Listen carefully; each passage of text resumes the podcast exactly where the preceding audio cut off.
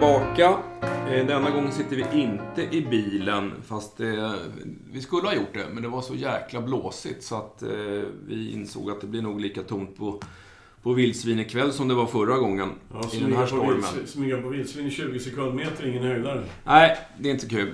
Eh, annars är det ju bra att hålla sig utomhus i dessa tider. Men eh, vi går till traditionell poddande. Eh, och jag vet att du har fått en fråga om skotträdsla. Det var en tollare tror jag. Yes, eh, Erik har en tollartik, fyra år gammal, eh, som har blivit skotträdd, eh, står det i mejlfrågan.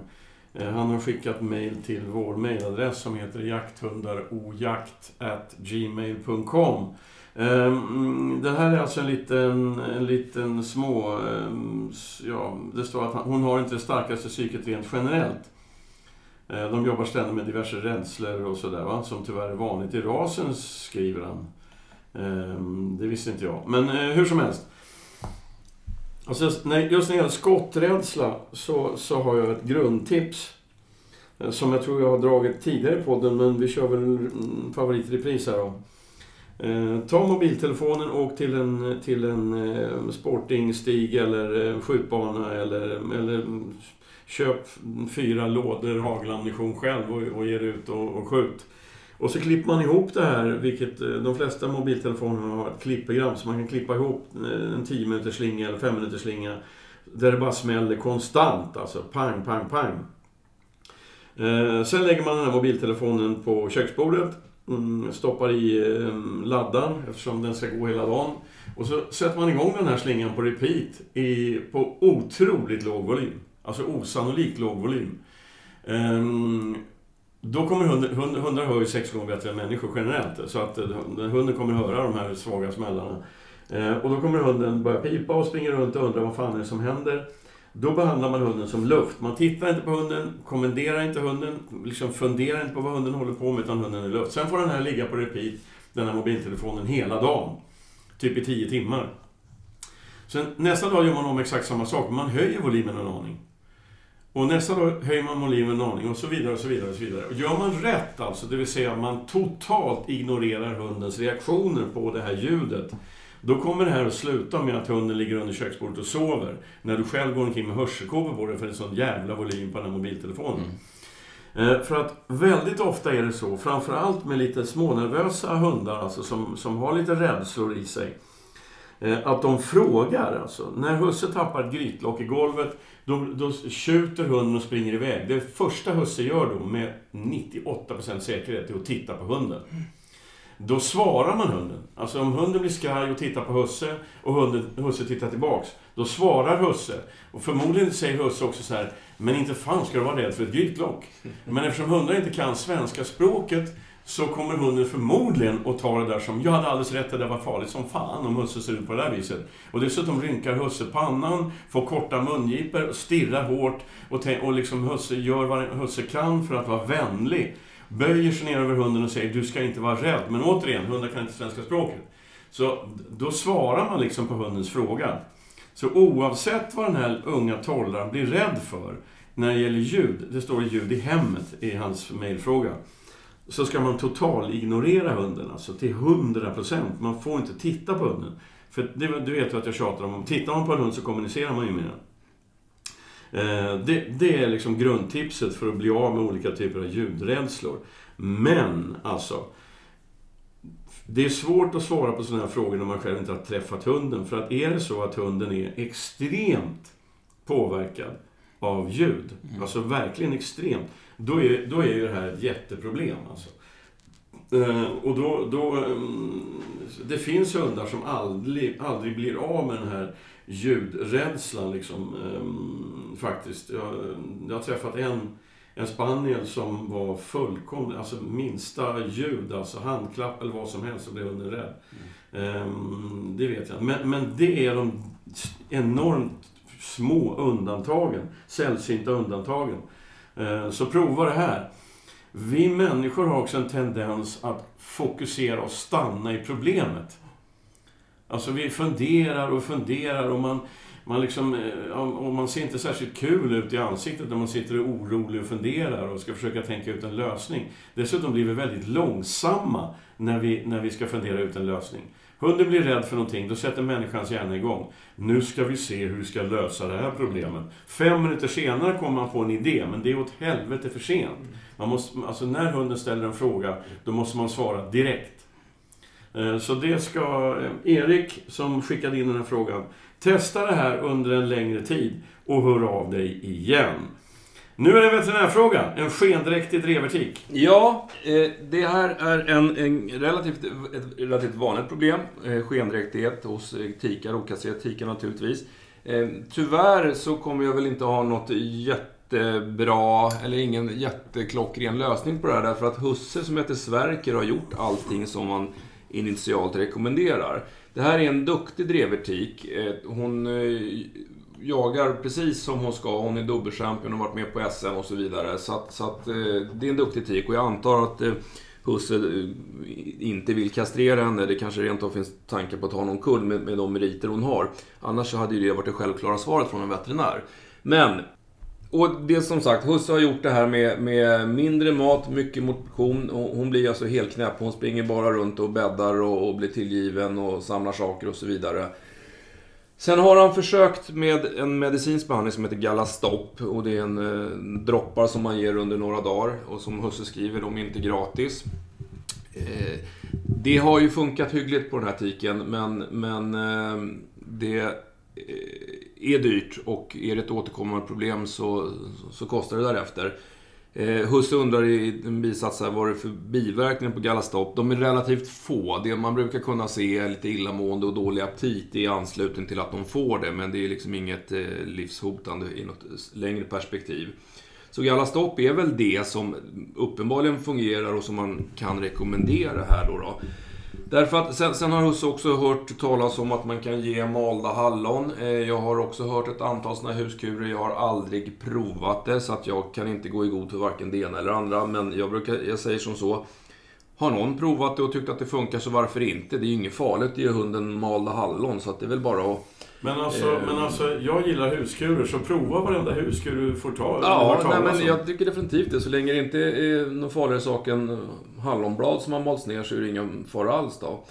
Sen hade Husse skrivit också här, han trodde det skulle bli bättre när han tog en kull. Han, just det, han har haft en kull, för det har man hört av alla experter. Men, men det hjälpte ju inte alls på hans tik. Och det där är också sån här, det här med att ta kullar.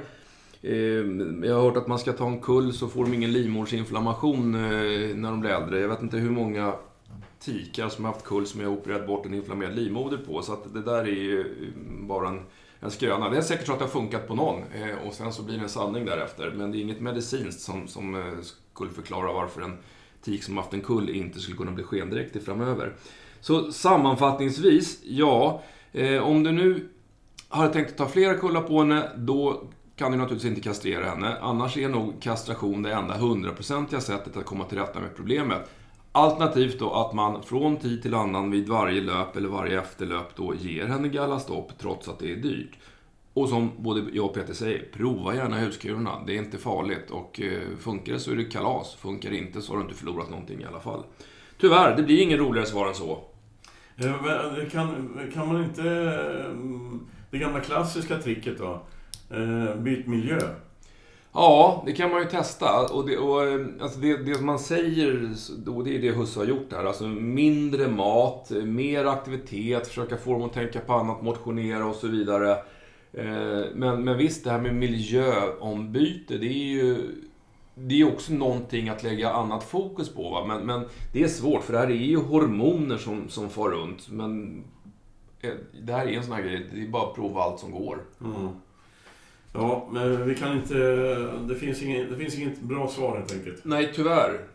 Eh, vi hade, om det nu var i förra eller om det var i förrförra avsnittet, så hade vi fått en fråga från Daniel som hade en treårig tax som eh, hade den tråkiga egenheten att han gick och markerade, vi tolkade det som kissa och det verkar som vi hade rätt i vår tolkning, i det rum, vardagsrummet, där han inte får vara. Och han markerar inte i några av husets ytor där han får vistas, men han smiter in i vardagsrummet när ingen är där och pinkar. Eh, och då hade vi en följdfråga därför att eh, hunden kastrerades för ett år sedan och de hade dessutom en 11 månaders tik. Så vi undrade lite grann om, om det här beteendet hade alltid funnits. Eh, eller om tiken eller kastrationen kunde ha haft något, något med saken att göra. Det har det inte. Varken tiken eller kastrationen har påverkat det utan beteendet fanns redan tidigare. Så det här blir en typisk Peter Ekeström-fråga. Vad gör vi nu då? Vi kan vi inte skylla på varken tik eller, eller kastration? Nej, men alltså... Eh, om den här taxen har gjort det här hela, alltså ständigt, eller det är Ja, så, så, så tolkar jag det. Ja, men, men alltså då ser jag två möjligheter. Eh, eller två, jag har två förslag. Nummer ett, varför får taxen inte vara i vardagsrummet? Alltså förändra beteenden hela tiden. Mm. Eh, plocka bort de grejerna om det är någon värdefull ryamatta eller vad det nu kan vara som gör att taxen inte får vara i vardagsrummet. Bjud in taxen i vardagsrummet, lek med taxen där, låt honom vara på golvet, rulla runt med honom, låt honom få käk i vardagsrummet och så vidare. Då kommer taxen att bli... Han kommer få spelet. Vad är det frågan om? Jag har aldrig fått vara i vardagsrummet förut. Livet leker. Jag är glad som fan. Det vill säga, man förändrar omständigheterna runt problemet. Mm. Nummer två, ta bort förutsättningarna för problemet. Grind i dörren alltså. Han, han kan inte komma in i vardagsrummet under en längre period. För det kan också plocka bort beteenden. Om man, om man under sex månader ser till att det är helt omöjligt för hunden att genomföra det där. Ja. Eh, då, eh, då kan taxen ändra sina beteenden. Men du har sagt det här många gånger förut och jag tycker det är otroligt klokt och jag vet dessutom att det funkar. Att, att eh, kör vi på i samma banor, ja då kör oftast våra hundar på i samma banor. Ändrar vi vårt beteende så finns det också en Ja, men alltså, möjlighet. det, men alltså, jag har jobbat med det här så länge och det är så tydligt liksom att om människan ändrar sina beteenden mm, Alltså dels de, de personliga beteendena, alltså kropp, de fysiska beteendena, men också omständigheterna runt hunden. Ja. Ehm, då, då svarar hunden med förändrade beteenden tillbaks. Därför att våra hundar är ta mig fan till 100% kopplade till oss. Nästan alla hundar har en starkare relation med sin människa än människan har till hunden. Därför att hunden är helt beroende av oss. De får jakt och träning och mat och klipp på magen och tuggben och gulligull och promenader och rastningar och, och lek och aktiveringar och agility och fan och hans mormor. Hela hundens liv kommer genom människan. Hunden har järnfokus på människan. Och människan går runt och är orolig för att eh, man har dålig kontakt med hunden. Ändra beteenden så ändrar hundens beteenden tillbaks. Okej, det vill säga Bjud in taxin i vardagsrummet eller se till att han aldrig överhuvudtaget kommer in i vardagsrummet. Bra! Det var två konkreta förslag på hur man kan jobba med problemet. Eh, jag tycker vi gör så här, för nu, vi har, eh, det har vi ofta. Vi har ofta frågor om prägling. Nu har vi två stycken frågor om prägling. Den ena ska prägla en drever på rådjur och den andra ska prägla en gråvaktel på vildsvin. Så att eh, vi tar upp dem alldeles strax, men vi fikar lite extra först. Ni får vänta. Hej!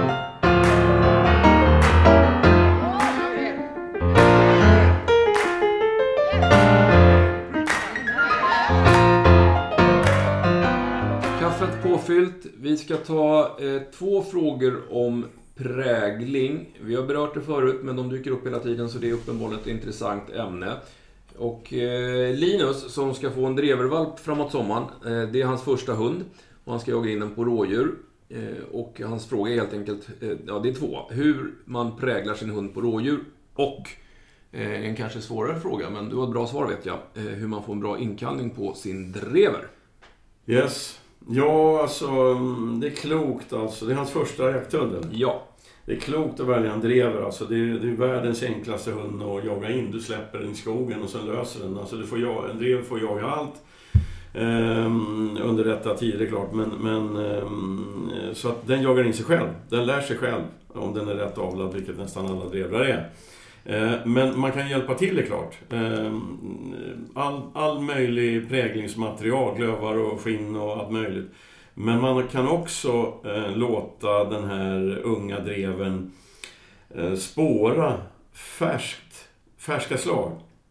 Alltså upp i gryningen och, och du ser ett rådjur på en klöva någonstans och, och ehm, eh, långt innan det är egentlig jakttid så kan du ju med långlina eller bara vanligt koppel alltså låta den här hunden följa det här färska slaget en bit. Så länge den orkar mentalt, bara för att den är valp alltså. Men bejaka rätt vittring och strunta i fel vittring. Det är det bästa med att jaga in en drever. För dreven, precis som alla hundar, lever efter ett belöningssystem. Alltså. Om man bejakar rätt vittring och så småningom eh, skjuter ett rådjur för en drever, då är det kört sen. Eh, då kommer hunden att jaga. Sen är det vissa drevrar gillar, mm, jagar också hare och räv och dåvilt och allt möjligt.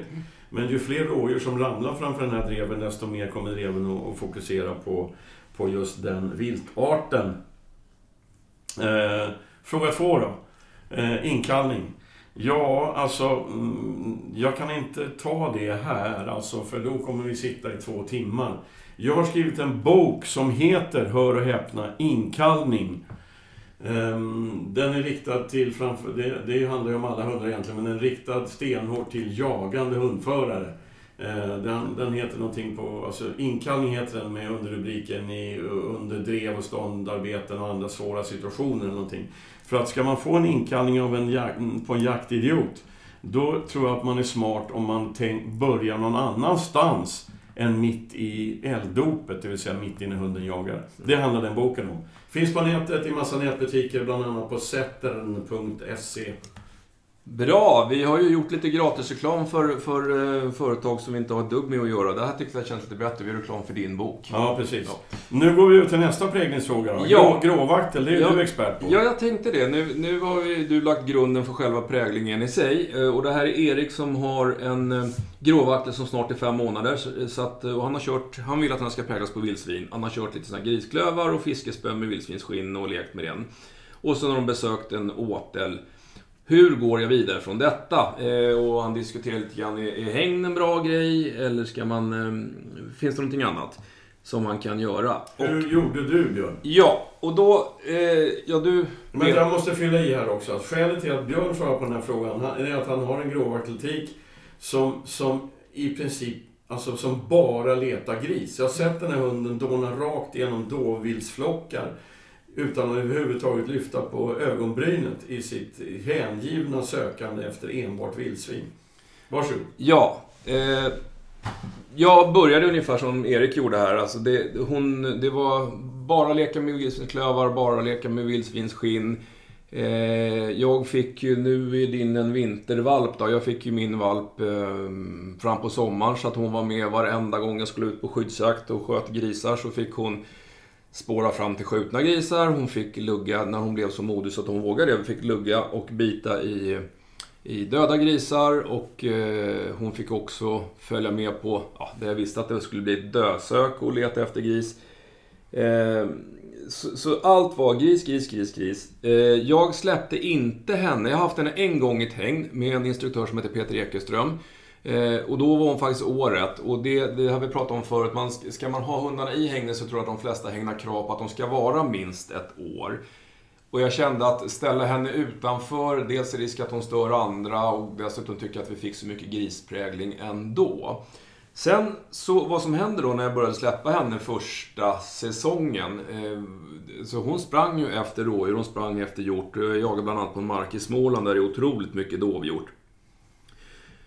Alla skyttar som var med hade stränga instruktioner att inte skjuta någonting annat än vildsvin för henne. Vilket väckte en hel del eh, motstånd för att det hoppar naturligtvis då vid parti och minut framför skyttarna. ehm, och om de såg henne gå efter en dov eller rådjur eller någonting annat, att de skulle bromsa upp henne och, och bryta. Och det där märkte man, alltså det gick ju lättare och lättare att bryta av och när det började ramla gris för henne så kom ju intresset, alltså intresset blir ju per automatik mer och mer fokuserat på vildsvin. Och jag har ju, som, som, du säger, hon har sprungit genom dåflockar. Vi, jag vet, då var hon, hon var inte ens två år när, hon, när det reses sig en jättefin dovskovel fem meter framför oss låg han. Ehm, och, och, instinkten var liksom att, att, springa efter och så sa jag nej, eh, kom hit. Och då, bry, då bröt hon och då var jag faktiskt lite imponerad själv. Så att, så att du är inne på rätt väg, men det handlar liksom om att, att se till att hon inte får någon som helst belöning när hon intresserar sig för annat vilt. Man måste ju ha passkyttarna med sig på det här i den mån man går som hundförare.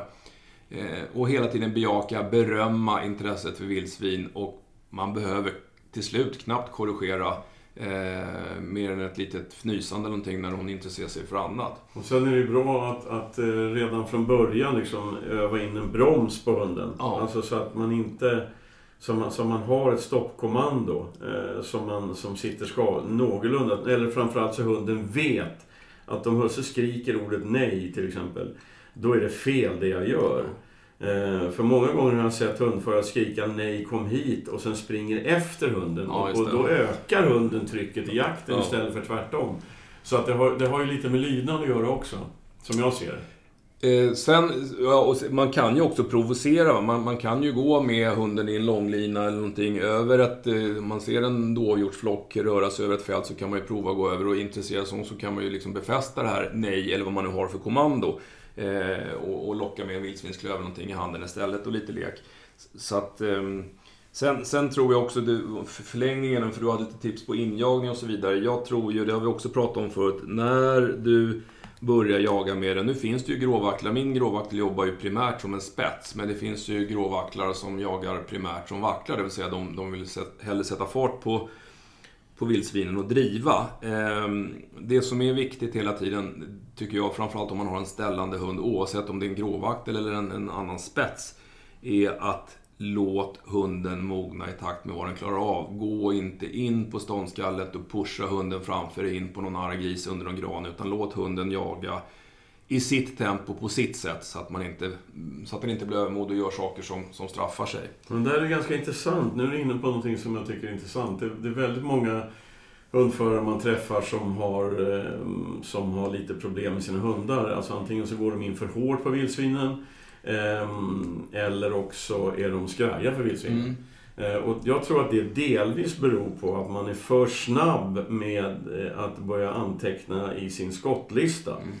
Alltså en 12 månaders är, är, är färdig fysiskt och klarar massa saker fysiskt. Den är färdigbyggd, kroppen är färdigbyggd. Men den, den är inte färdig mentalt, den är inte vuxen i huvudet. Ehm, och dessutom är det så att, framförallt om, om vi snackar om en hund som ska lära sig stånda, då är det tid på ståndet som lär hunden att stånda. Ja. Så att om hunden bara får stånda i två minuter, sen springer husse eller matte in som fan för så fort som möjligt skjuta, skjuta viltet. Eh, då hinner ju hunden inte lära sig något.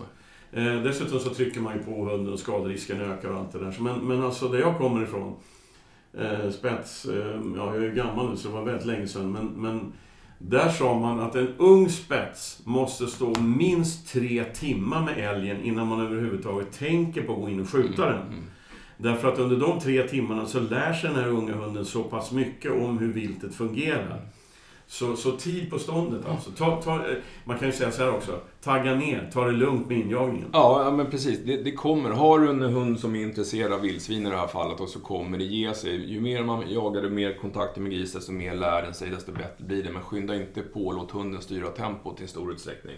Det är lättare sagt än gjort i och för sig om man, är, om man har en hund och det är bråttom. Och, Ja, men så är det. Och, och man är ju dessutom sugen på, på att skjuta för hunden. Men jag tror att om man har en ung hund, det här kan ju du bättre, men, men, men om man har en ung hund det är klart att skjuta rätt vilt för den är ju en belöning, men samtidigt måste den också lära sig att jaga på rätt sätt. Och då måste den få den här tiden, som du säger. Den måste få stå och skälla på, på vildsvinet i lugn och ro och se hur de beter sig. Veta att det kommer små attacker och utfall som den ska lära sig parera. men, alltså, men du vet ju, jag har ju en fullvuxen jämthund.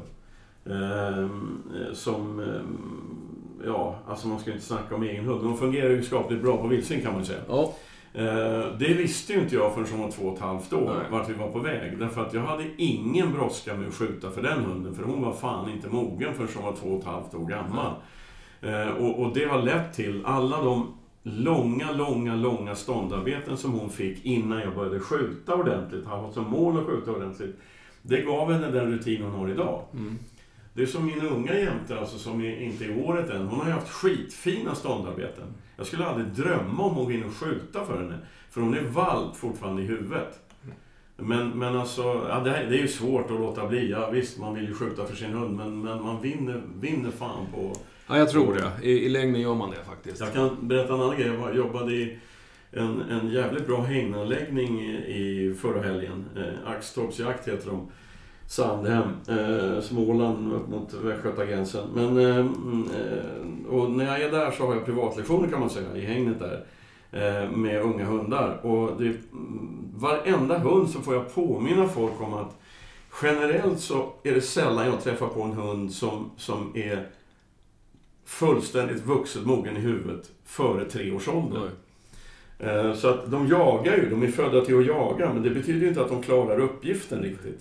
Eh, så att eh, det, det handlar om att bedöma mognad helt enkelt. Men nu, det kanske är för mycket nördigt, vi går vidare. Vi går vidare. Eh, bra, hoppas det gav lite tips och idéer. Nu går vi över till ytterligare en fem månaders valp, denna gång en beagle.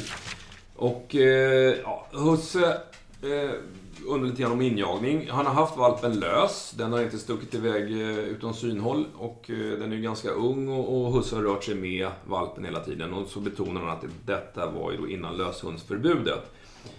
Och sen är ju själva frågan, och eh, där, du får säkert ett svar nu som inte var det du hade hoppats på, men lite mera tips runt det kanske kan hjälpa till. Måste jag vänta till 1 oktober innan jag kan börja jaga in honom eller finns det något sätt att inom citattecken tjuvträna? Eh, han tänker ha den här till småvilt primärt och de har mycket rådjur på markerna.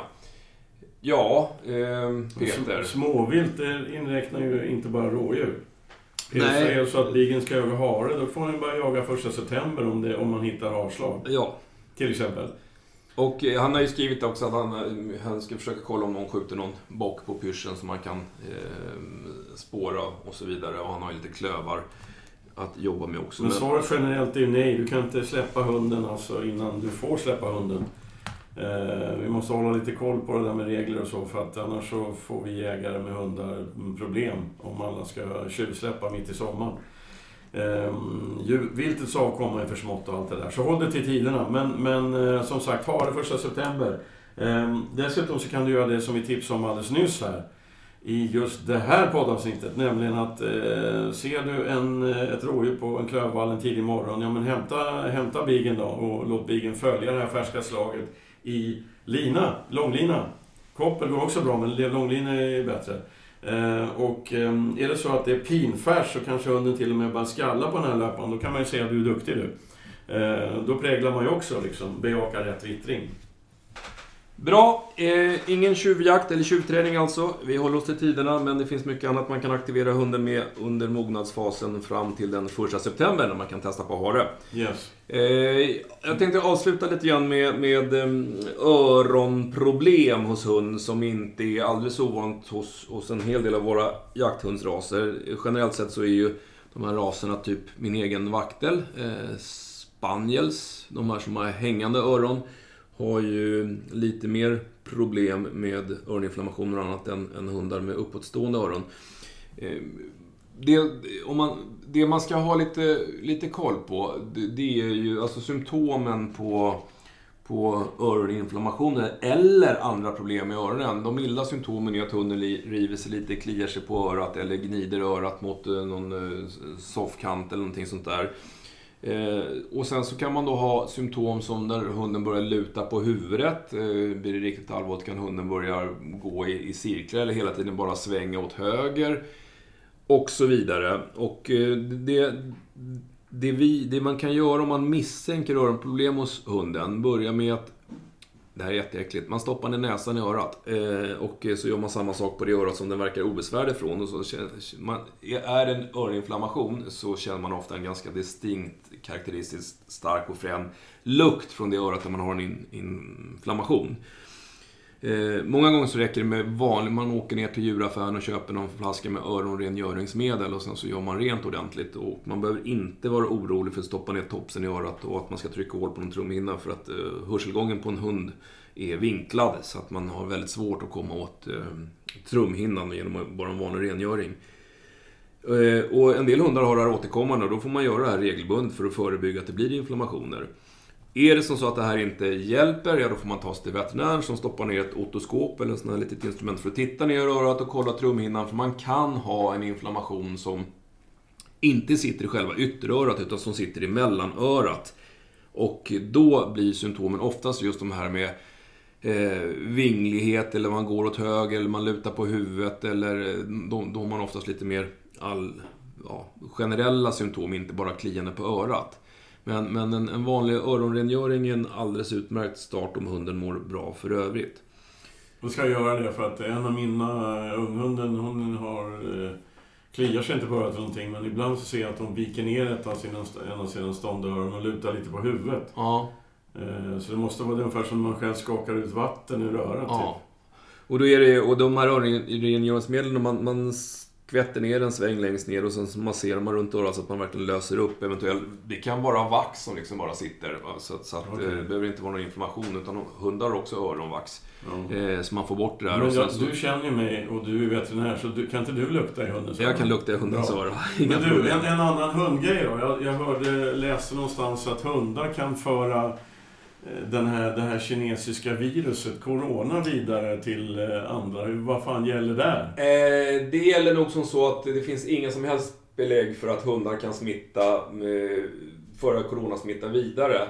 Eh, det fanns ju en hund, någon 17-årig i Hongkong och sånt där som hade konstaterat coronavirus. Sen dog den, men när man obducerade den så hittade man ingen coronavirus i blodet. Så att, alltså det är ju så att har jag corona på fingrarna och klappar hunden så kan jag naturligtvis smitt, kleta ner coronavirus på hunden. Men, men hunden bär inte på det coronaviruset vi gör. Coronavirus är ju inte bara en enda virustyp, utan hundar som får kennelhosta kan till exempel ha kennelhosta på grund av coronavirus, men det är ett annat coronavirus. Det har ingenting att göra med det som härjar vilt bland oss människor just nu. Så att man behöver inte vara orolig för att hunden ska smitta oss med corona och vi behöver inte vara oroliga för att vi ska smitta hunden med corona. Skönt. Bra! Vi nöjer oss där tycker jag. Ja, det är bra. Om någon frågar oss.